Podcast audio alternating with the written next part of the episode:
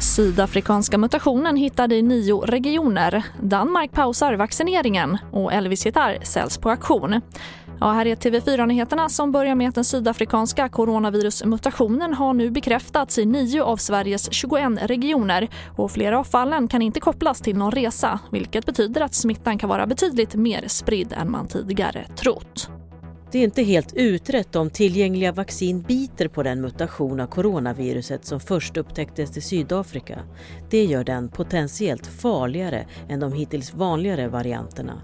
Och nu finns det bekräftade fall av den sydafrikanska mutationen i hela nio av landets 21 regioner. Det framgår av en kartläggning som Ekot har gjort. De här enstaka fallen det är ju bara toppen av ett isberg helt uppenbart. Som hela tiden med alla virusvarianter vi ser så ser vi ju hela tiden bara toppen av ett isberg. Och det finns säkert en, en låggradig spridning eh, av den sydafrikanska och förmodligen också den brasilianska. Eh, både i Sverige och i många andra länder. Och sist här hörde vi statsepidemiolog Anders Tegnell och reporter var Jessica Josefsson.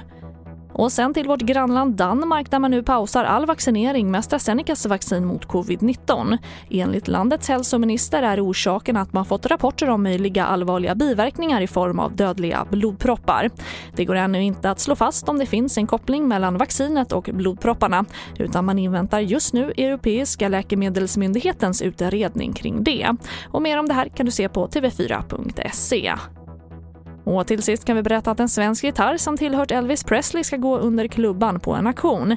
Det är en Hagström-gitarr som Elvis spelade på i en comebackshow 1968.